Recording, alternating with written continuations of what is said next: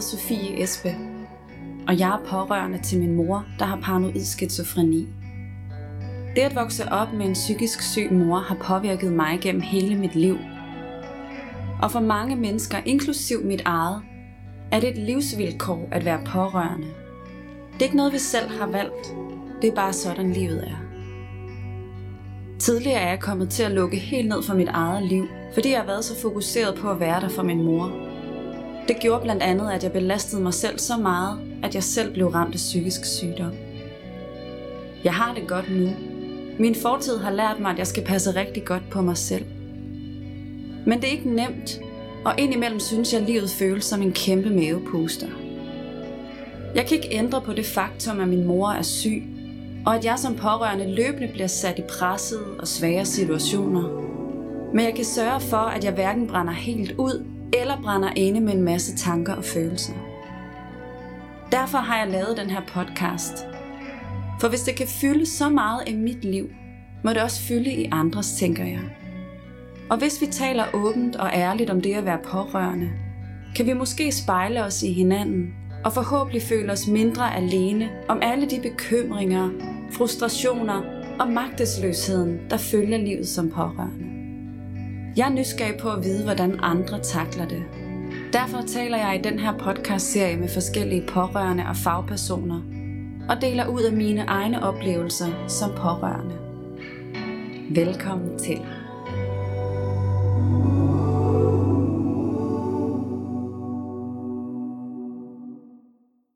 Hej og rigtig hjertelig velkommen til podcasten Jeg er også pårørende. I forrige episode, som også var den allerførste i den her podcast-serie, fortalte jeg min egen historie som pårørende til en mor, der har paranoid skizofreni. Jeg fortalte om, hvordan det var at vokse op med en mor, som ikke var helt til at regne med. Og hvilke konsekvenser det rent faktisk havde for mit ungdomsliv og starten på voksenlivet, at jeg som pårørende var så psykisk belastet. Jeg blev nemlig selv ramt af depression og spiseforstyrrelse, da jeg var 18 år gammel. Men i dag, på mit 32. år, har jeg det heldigvis rigtig godt. Dog kan jeg ikke løbe fra, at jeg stadigvæk støder på udfordringer i forhold til, at jeg er pårørende. I den her episode vil jeg mere specifikt fortælle dig om, hvordan mit liv som pårørende ser ud i dag, og om de udfordringer, jeg dagligt oplever. Det gælder både i forhold til mit møde med sundhedssystemet og psykiatrien, og det gælder i høj grad om at finde ud af, hvad der er bedst for min mor, så hun får den hjælp og støtte, hun behøver. Og når jeg, så handler det også om, at jeg husker at passe på mig selv. Og det gør jeg blandt andet ved at tage mig tid i hverdagen til at mærke efter, hvordan jeg har det. Og det vil jeg fortælle dig mere om senere i episoden. Du skal også høre mit møde med ekspert og terapeut Lene Essenbæk Karlsson, som jeg har mødt i forbindelse med, at jeg startede i en pårørende gruppe, som hun leder. Lene har gjort det til sit fokusområde at arbejde med pårørende til psykisk syge, så hvis du selv er pårørende, kan du glæde dig til at få nogle gode råd til, hvordan du bedst takler din situation.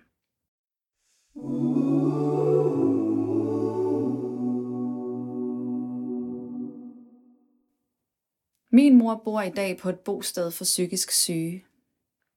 Og som jeg også fortalte i forrige episode, valgte min far at skille sig fra hende for cirka 8 år siden, hvilket jeg er helt okay med.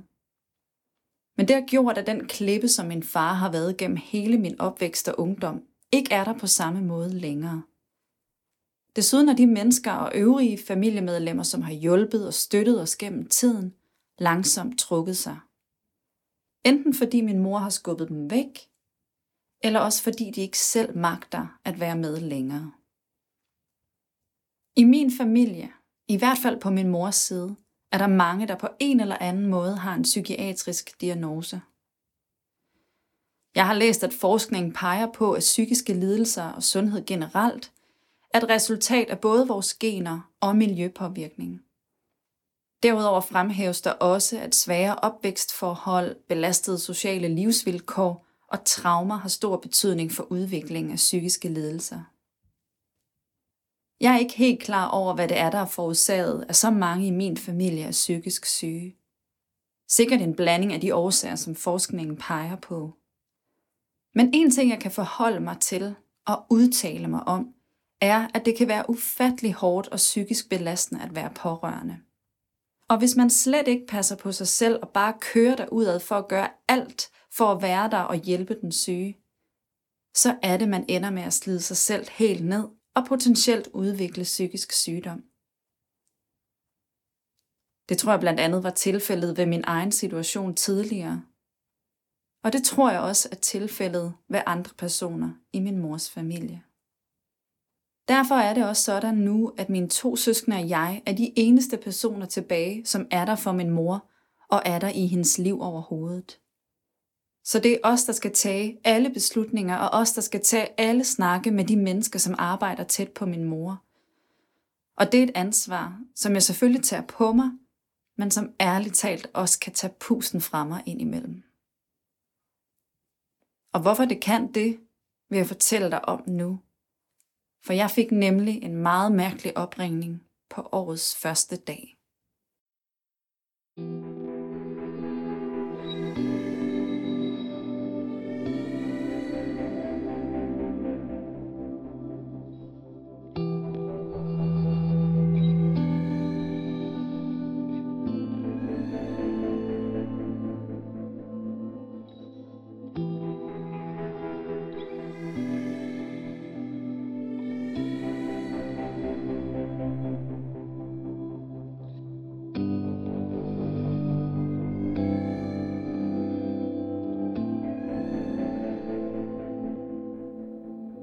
1. januar om formiddagen blev jeg ringet op af en medarbejder fra bostedet, hvor min mor bor. Medarbejderen fortalte, at hun var kommet til at give min mor en anden borgers medicin, og at min mor derfor var blevet kørt til akutmodtagelsen for observation. Jeg blev helt paf og vidste ikke rigtigt, hvad jeg skulle sige til medarbejderen i telefonen. Andet end jeg selvfølgelig gav udtryk for, at jeg var virkelig forarvet over, at det kunne ske at give en borger forkert medicin. Jeg spurgte ind til, hvor meget den her fejlmedicinering havde påvirket eller ville påvirke min mor på sigt. Men medarbejderen vidste ikke. Og jeg kunne høre i hendes tonefald, at hun var ret så bekymret. Så det blev jeg givetvis også og hele episoden bragte et mindre drama med sig. Det skulle nemlig vise sig, at jeg og min søskende var nødsaget til at kime hele sygehuset ned, for at finde frem til en, som kunne fortælle os, hvordan vores mor havde det, efter hun var blevet indlagt. Og det var tydeligt, at dem i den anden ende af røret hverken havde tid eller lyst til at tale med os. Forståeligt nok, for kunne vi ikke bare ringe til den syge selv eller til den, som nu fulgte med hende? Jo, hvis det havde været en mulighed. For hvad vi måtte erfare efter flere timer var, at personalet på bostedet havde sendt vores mor afsted alene og uden sin telefon. For uden at det satte os pårørende i en ubehagelig situation, var det mest forrygte nok, at min mor som jo er psykisk syg og som netop bor på et bosted, fordi hun ikke kan tage vare på sig selv, blev sendt afsted alene, og uden man kunne komme i kontakt med hende. Jeg bor i Malmø, og det er cirka to timers kørsel fra min mor. Så havde det ikke været for den afstand, og fordi jeg på daværende tidspunkt havde en fire måneder lille baby at tage mig af, så havde jeg selvfølgelig selv kørt afsted til akutmodtagelsen.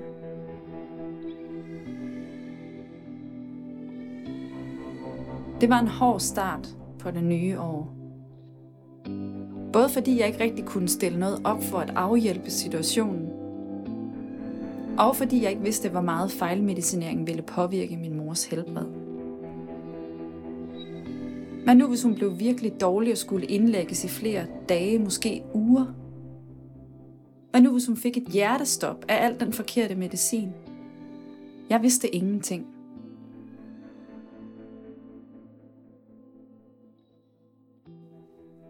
Men så var det, at jeg fik fat på en sygeplejerske, som havde tilset min mor op mod aftenen.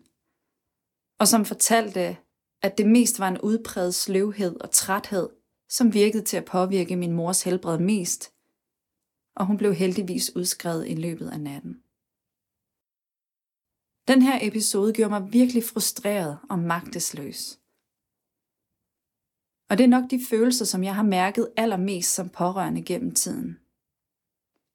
Det er hent flere gange, at jeg har stået i situationer, hvor de professionelle, som egentlig skulle have min mors ryg, har svigtet eller sagt, at de ikke kan gøre mere. Og så har jeg og mine to søskende selv måtte tage over. Eksempelvis som da vi engang var nødsaget til at lyve over for min mor og fortælle, at vi skulle besøge vores bedste forældre. Men i stedet kørte hende til akutmodtagelsen for at få hende indlagt, fordi vi kunne se, at hendes helbred var i fare. Hvis man skal se noget positivt, som kom ud af den her hændelse 1. januar, så er det, at min søskende og jeg langt om længe besluttede, at der skulle indkaldes til et møde, hvor alle involveret i min mors behandling og trivsel skulle inviteres. Vi havde selv et behov for at talesætte, hvordan hændelsen havde påvirket os, og hvordan det er at vidne, at vores mor egentlig kun bliver syre og syre. Og så var vi af den opfattelse, at det kun kunne gavne os alle sammen, pårørende som fagpersoner, at mødes og spare med hinanden. Mødet fandt sted en dag i februar måned.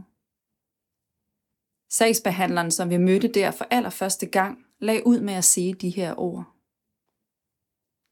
Ja, det her møde skulle jo egentlig have fundet sted for lang tid siden, men min liste af borgere er meget lang, og jeg er ikke nået til dig endnu, sagde hun og kiggede på min mor.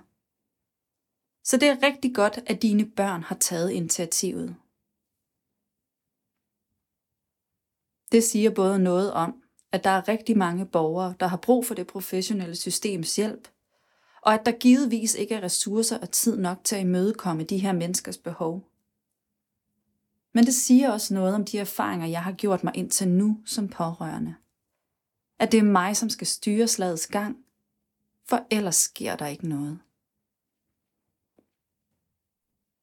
Til møde var min mors psykiater også inviteret, men hun meldte fra. Jeg ved ikke hvorfor. Men jeg ved, at min mor har skiftet psykiater mere end tre gange på de fem år, hun har boet på bostedet. Og jeg er faktisk i tvivl om, hvor mange gange hun har truffet den nye psykiater. Jeg har aldrig nogensinde mødt min mors psykiater. Eller fået tilbud om en pårørende samtale. Eller bare indsigt i min mors medicinske behandling. Eller noget lignende.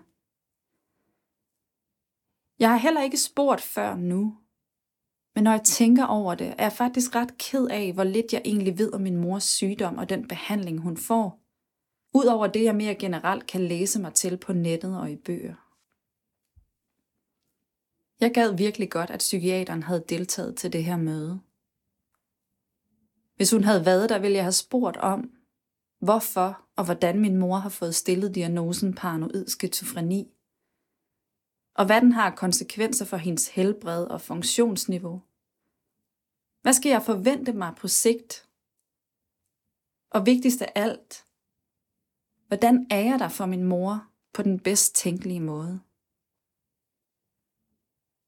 Hun har været syg i over 20 år og har lidt af både stress, depression, bipolar lidelse og psykoser tidligere – og som jeg husker det, er jeg hverken som barn eller voksen blevet inddraget i nogle beslutningsprocesser eller samtaler, hvis ikke jeg selv har spurgt ind til noget.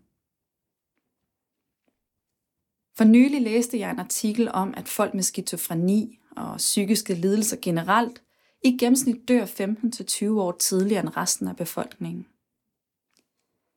Det er der heller aldrig nogen, der har fortalt mig om. Jeg ved ikke, om det vil gøre nogen større forskel for mig, men inddragelsen og samarbejdet med de professionelle savner jeg virkelig. En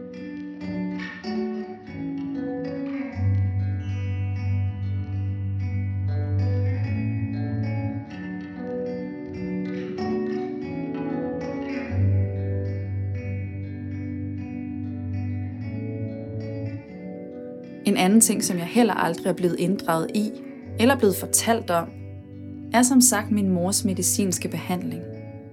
Jeg ved, at hun dagligt får mere end 10 forskellige piller. Og det ved jeg, fordi jeg har talt dem. Men hvad de hver især bidrager til, det ved jeg ikke.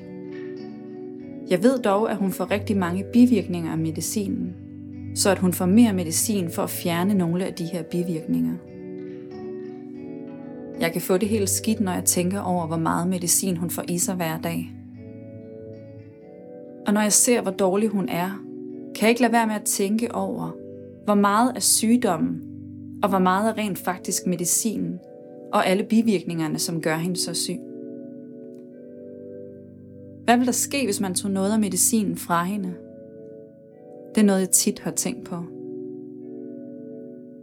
Selv ved jeg af erfaring, at fysisk aktivitet, frisk luft i naturen, sund kost og mindfulness kan have stor positiv indflydelse på vores mentale sundhed.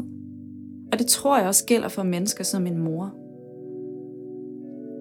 Men det jeg oplever er, at hun nu er så dårlig, at hun størstedelen af tiden ikke vil noget som helst, og nærmest har mistet al livsgejst. Så sidder hun i sofaen på sit 15 kvadratmeters værelse og ryger de sædvanlige 2-3 pakker cigaretter om dagen og kommer ikke uden for hendes dør.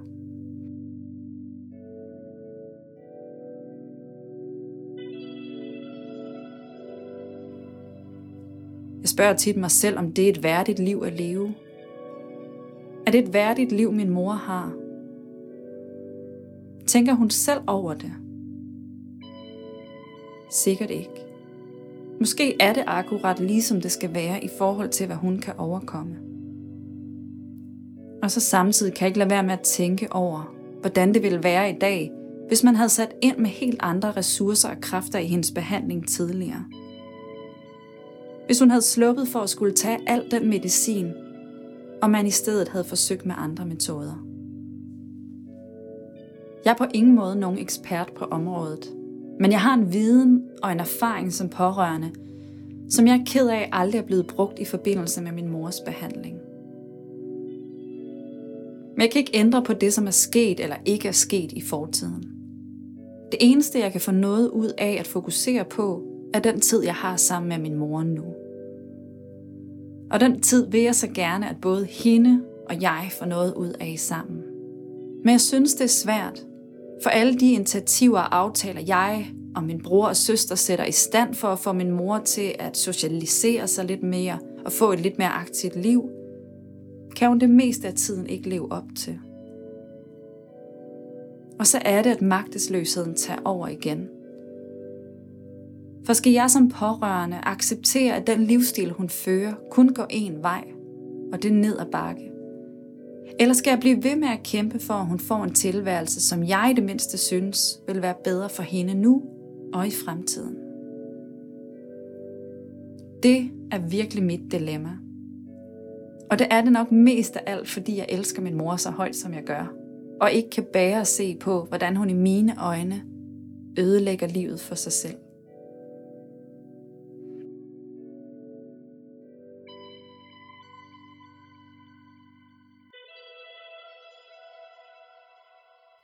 Nå ja, og så i øvrigt ventede jeg to måneder på at få et møde med psykiateren. Men så blev hun syg på dagen, så jeg ventede endnu en måned, og nu har jeg talt med hende. Mødet fik jeg ikke særlig meget ud af, for som psykiateren pænt sagde, jeg kan ikke fortælle dig eller gøre så meget lige nu, for jeg kender ikke din mor, da jeg kun har mødt hende en enkelt gang.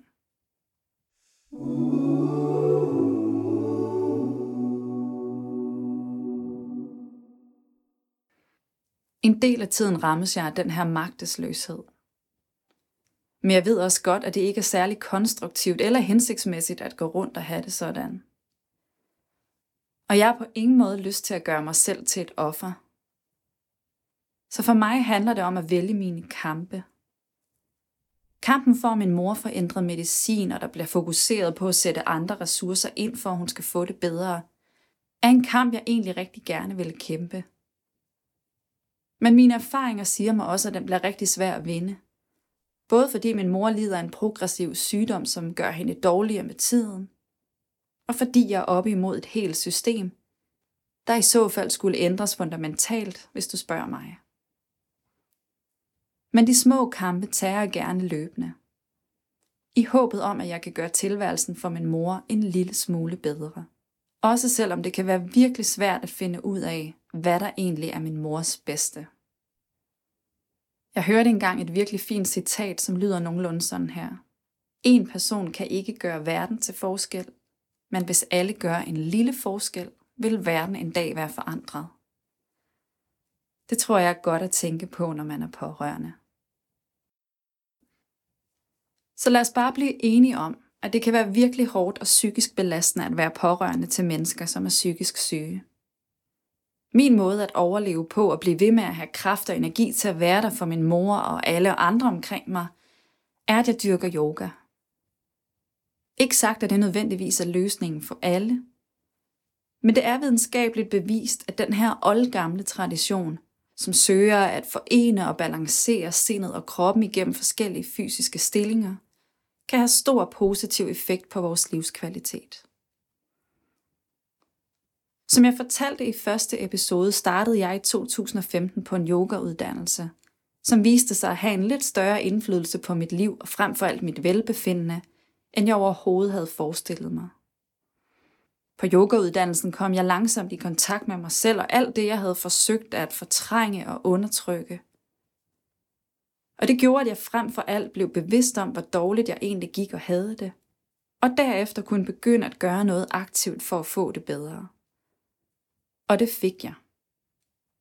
Siden da har jeg beskæftiget mig med yoga, både som underviser og som elev, og det er en livslang rejse, som kun lige er begyndt, og som hidtil har beriget mit liv på rigtig mange måder, og det er jeg meget taknemmelig for. Fordi de redskaber og metoder, jeg har stiftet bekendtskab med gennem tiden, har hjulpet mig så meget og stadigvæk gør det, vil jeg gerne dele en af dem med dig, som lytter med. For jeg ved godt, at det som pårørende kan være virkelig svært at tage sig tiden til bare at være stille og gøre noget godt for en selv. Men den her øvelse kan du lave uanset om du er pårørende eller ikke. Den handler nemlig om først at tage sig tid til at være stille og lytte indad, og derefter tænke på alt det, man er taknemmelig over. Jeg starter altid med at sætte mig godt til rette, når jeg laver den her øvelse. Det kan være hjemme på mit stuegulv på en pude. Det kan også være, at jeg lægger mig i sengen, eller måske sidder på en bænk i en eller anden park. Jeg tager altid noget tid til lige at mærke og lytte til min vejrtrækning inden. Måske 5 eller 10 minutter, nogle gange meget længere. På den måde hjælper jeg hele mit system til langsomt at ændre fokus fra at være meget udadvendt og rettet mod verden, til at begynde at tune indad. Derefter begynder jeg at tænke på alle de ting, jeg er taknemmelig for.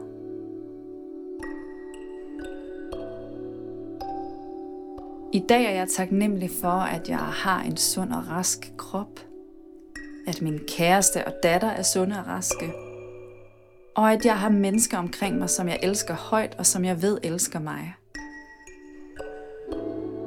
Jeg er taknemmelig for, at det er blevet forår, og solen skinner, og for at jeg kan gå en masse ture, mens jeg er på barsel med min datter, og nyde den smukke natur og de smukke forårsfarver, som bryder naturen lige nu. Jeg er taknemmelig for, at jeg altid har mad og drikke og aldrig går sulten i seng. Og jeg er taknemmelig for, at jeg har en dejlig blød seng at sove i. Også selvom den er lidt lille til både min kæreste og jeg og vores datter. Jeg er taknemmelig for, at jeg lige har besøgt min mor, og at hun var i godt humør. Jeg er taknemmelig for, at jeg har nogle virkelig søde venner, som giver mig energi og jeg er virkelig taknemmelig for, at jeg har fået så meget støtte i forbindelse med, at jeg laver den her podcast. Og sådan kunne jeg fortsætte videre endnu.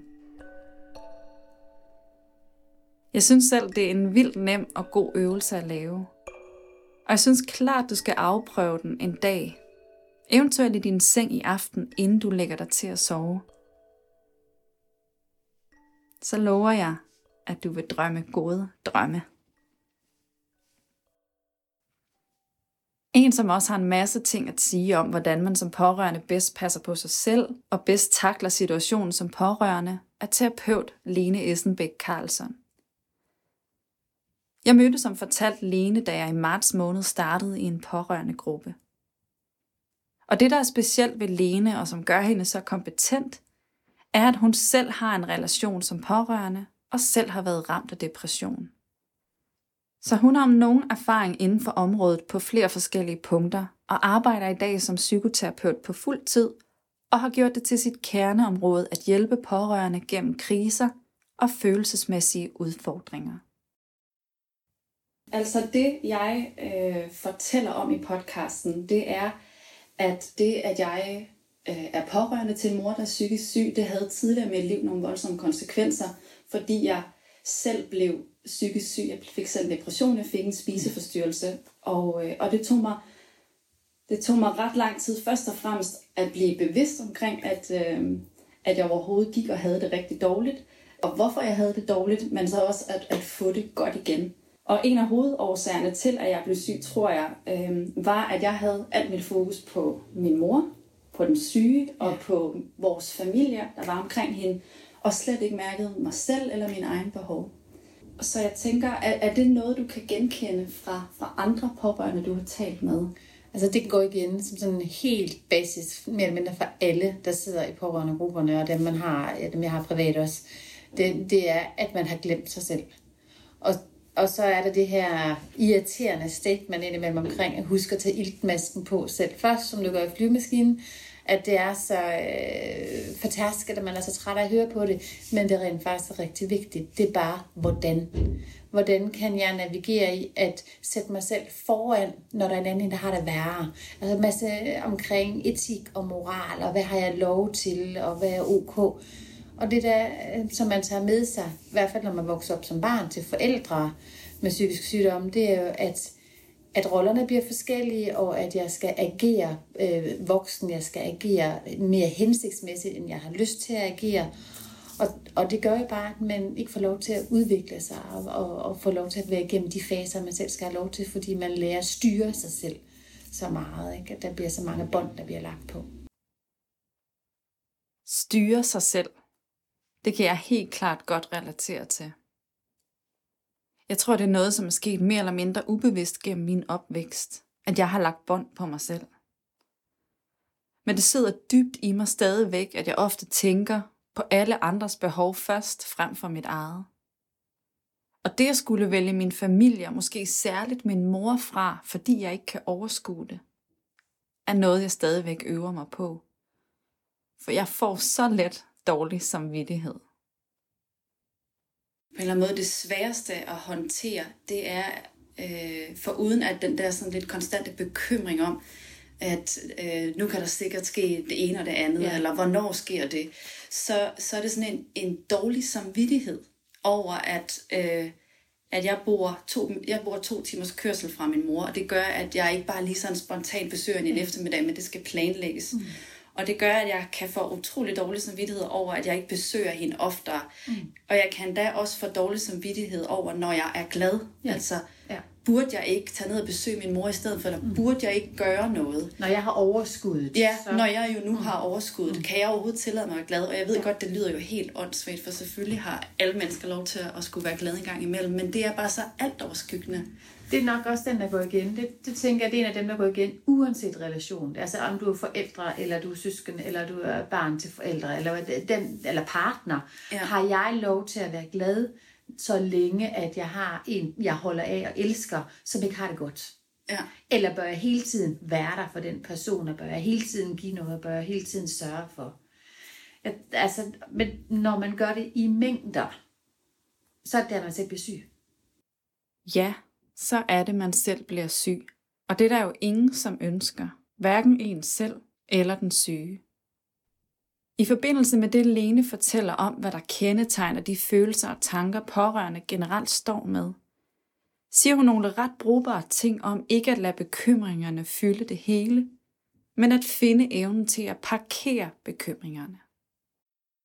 Så der er et stort stykke arbejde hjem, også samtidig at kunne parkere det. Altså tillader det at få lov til at blive set, og egentlig finde ud af med sig selv, både sådan følelsesmæssigt, tankemæssigt, hvad er det, jeg bliver ramt af, og så også kunne sige, nå, men jeg behøver faktisk ikke at være i det hele tiden. Altså få den her fornemmelse af, at jeg er ikke defineret af min fortid. Der er ting, der er sket, men jeg behøver ikke at være i det hele tiden. Jeg behøver ikke skulle forstå hele tiden. Jeg behøver ikke skulle evaluere det hele tiden. Jeg også godt må parkere det. Men hvis jeg aldrig evaluerer det, hvis jeg aldrig kigger på det, hvis jeg altid vil undgå at forholde mig til det, så kommer det til at fylde alt for meget. Så der er sådan en, en, en balance i det, som man skal finde i, i det her element med både ture, erkende, at der er nogle svigt og nogle ting, man har savnet, og noget, man gerne vil have haft, der var anderledes, og måske stadigvæk gerne vil have, var anderledes. Og så også egentlig kunne sige, men jeg behøver ikke forholde mig til det hele tiden, uden at tænke, at, at jeg så negligerer det, eller jeg er uempatisk, men egentlig bliver opmærksom på, at, at det er en styrke, jeg har. Jeg kan gå ind i det, og jeg kan gå ud af det. Ja, så det jeg også hørte dig sige er, øh, at første trin, det er i hvert fald at blive bevidst ja. omkring, hvordan man forholder sig til, at man er pårørende yes. til en, en person, der er syg. Ja. Og så dernæst at finde ud af, hvordan skal jeg så agere i forhold til det, og hvornår kan jeg skrue ned for mig selv og min deltagelse i det, og hvornår, Absolut. hvornår skal jeg prioritere at skrue op ja. og være der. Og også elementer, de hvis, som eksempel omkring, hvis de ringer og siger, at der er noget, at man også mange gange som pårørende går og venter på det. Altså det bliver en, en stor del af ens erfaringsgrundlag, der det her det kan ske anytime. Så jeg skal hele tiden være klar. Ja, jeg skal hele tiden være alert, jeg er små bekymret, og jeg øh, går grubler for, hvornår kommer det igen. De elementer der, som man egentlig ikke kan gøre noget ved. Fordi det er jo vilkåret rigtig mange gange som pårørende til folk med psykisk sygdomme, det er jo, at ting kommer ud af den blå luft. Lene hun er uddannet psykoterapeut med fokus på metakognition. Og jeg ved, at det er redskaber derfra, som hun bruger både i sine individuelle samtaler og i pårørende grupperne, som jeg går i. Det terapiformen tager udgangspunkt i, er menneskets bevidste viden om, hvordan deres egne tankeprocesser fungerer. Jeg har personligt haft meget gavn af de her ting, hun har fortalt, og synes, det er et godt værktøj at have med sig i bevidstheden, så man ikke lader tankerne styre hele ens liv. Hør her, hvad hun blandt andet siger om det. Det metakognitive kommer netop op og kigger på bekymringerne. Tankerne om tankerne. Hvor meget skal jeg bekymre mig? Må jeg godt lade være med at bekymre mig? Hvorfor bekymrer jeg mig? Hvad siger det om mig, hvis jeg ikke bekymrer mig? Og faktisk blive opmærksom på elementet i, om jeg kan gøre noget andet. Så ja. når jeg kan kontrollere min opmærksomhed, så kan jeg rumme have alle tanker men de gør mig ikke så meget. Så det er både det her med at kunne flytte min opmærksomhed væk fra det, og også at kunne have det, der hedder detached mindfulness, altså at kunne have tankerne og ikke gøre noget ved dem. Ja. Men når vi får tankerne, så gør man oftest en masse ting ved dem, fordi vi gerne vil have, at de skal gå væk. Vi bryder os ikke om ubehaget ved tanken eller ved følelsen. Og så har vi nogle mekanismer, som vi går i gang med, som ikke er hensigtsmæssige for os. Jeg kan godt følge det, som Lene fortæller. For nej, det er ikke hensigtsmæssigt at lade vores tanker styre vores liv. Og det er interessant, hvordan den metakognitive terapi hjælper med at lære os at kontrollere vores opmærksomhed. Så vi netop selv vælger, hvilke tanker vi følger med, og hvilke der er bedst at slippe. Lene og jeg, vi talte den her eftermiddag også ret meget om fordelene ved at gå i en pårørende gruppe, eller en anden slags gruppe, hvor man deler ud af sine oplevelser. Det at have nogle, som også er pårørende at spejle sig i, kan have stor positiv effekt på den her ensomhed og indimellem forkerthed, man som pårørende kan have.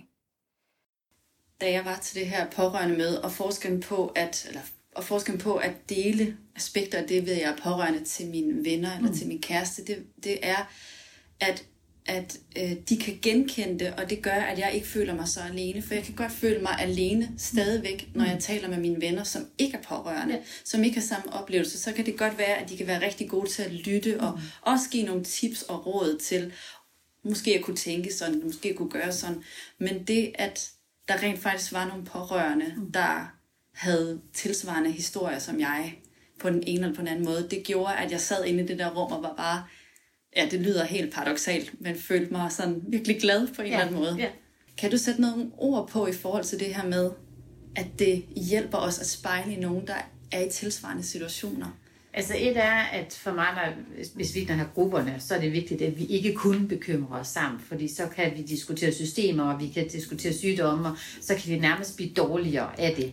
Så er det også det her med, når man er i et rum, hvor det er folk ved, hvad det er, det handler om, så behøver man ikke sige så meget. Øh, der, hvor jeg oplever den største sådan, fysiske aspekt på det, så er det enten ved søskende eller ved børn, der vokser op med forældre med psykisk sygdom, fordi de har mange gange haft en følelse af, at der har været skam omkring det i deres familie. De har ikke tur i talesæt, hvad der var, der skete derhjemme. Og at de har også ligesom fået mundkur på, som sidder forældrene i forskellige relationer, eller i hvert fald selv ikke følt, de har. Og de har ikke kendt andre, der har stået i samme situation, så der har været en ensomhedsfølelse omkring det. Så lige pludselig at være i et rum, hvor vi så sidder 8 eller 10, som, som man kan begynde at spejle sig i, og ligesom, det, er, det er angstprovokerende, fordi det kan koste helt vildt mange følelser, og så er der også en glæde i, og det er alt det der absurde, en glæde i andre også har kæmpet med noget, men det ringer igen klang, så er det ikke mig, der er noget galt med. Så er det ikke mig, der mærker forkert, når det er en belastning at have været i den her relation, når det er, at jeg har savnet noget i den her relation. Fordi at hele elementet det, det, det er jo også, at vi hele tiden tænker, at det er mig, der er noget galt med. Så der er en stor proces i, i talesæt det, og sætte ord på sin egen situation, hvad det egentlig har gjort ved en, og så også at lige høre, er det, er det normalt at reagere på den her måde? Og er at er andre, der håndterer det på samme måde, og er andre, der kæmper med, med ting, man kan genkende, og som de genkender hos en selv? Til dig, som ikke selv går eller har muligheden for at gå i en pårørende gruppe eller nogen anden samtalegruppe, anbefaler Lene, at det er rigtig vigtigt at finde nogen at tale med og vende det, som fylder rigtig meget. Men hun siger også, at det måske er godt at sætte tid af til det, så man ikke er i det hele tiden. Jeg spurgte Lene til sidst i interviewet, om hun ikke kunne hjælpe mig med at opsummere de tre vigtigste punkter fra det, vi havde talt om. Og dem skal du høre her, og jeg håber, du vil tage dem til dig, hvis du selv er pårørende. En af, en af de vigtigste, det er i hvert fald den her med ikke at være alene med det.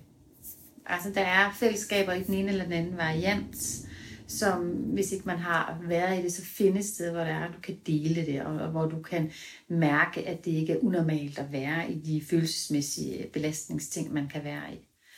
Og så er to også egentlig slip det. Så altså find plads til det, og også slip det. Og så er den tredje, det er nok det her med bekymringerne.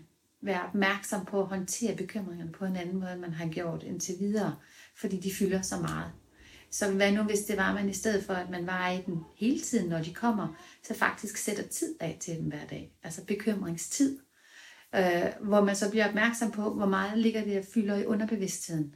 Og kan jeg så i stedet for, at det bare er i underbevidstheden, hvor jeg mange gange bare vil have det til at gå væk, så faktisk giver det 100% opmærksomhed. Så sæt lidt tid af hver dag til de ting, der har, man har haft lyst til at skulle fylde.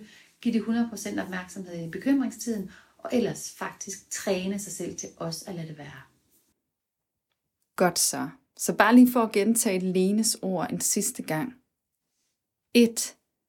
Find nogle at tale med og dele dine tanker og følelser med, så du ikke er alene. 2. Husk også at slippe det igen, så det ikke fylder alt for meget. 3. Sæt tid af til bekymringstid. Og vær derudover opmærksom på, hvordan du håndterer dine bekymringer. Det var alt, hvad jeg havde for den her gang. Jeg håber, du fik noget ud af at lytte med. I næste episode skal du høre Karolinas historie. Karolina er 23 år gammel, og for uden at hun for mange år siden mistede sin storebror, er hun også pårørende til hendes store søster, som har diagnosen skizofreni. Op til at Karolina og jeg skulle mødes, valgte hun at tage en snak med sin søster først, Bare lige for at sikre, at hun var okay med, at Karolina nu ville udtale sig om, hvordan det er at være pårørende. Samtalen med søsteren viste sig at have større betydning for søstrenes forhold, end Karolina overhovedet havde forventet. Og hvad de blandt andet talte om, det kan du høre mere om i næste episode. Til sidst er der ikke mere at sige, end at podcasten er tilrettelagt og klippet af mig, Sofie Espe, og den fine musik, du kan lytte til indimellem, er komponeret af August Bager. Indtil vi høres, pas rigtig godt på dig selv.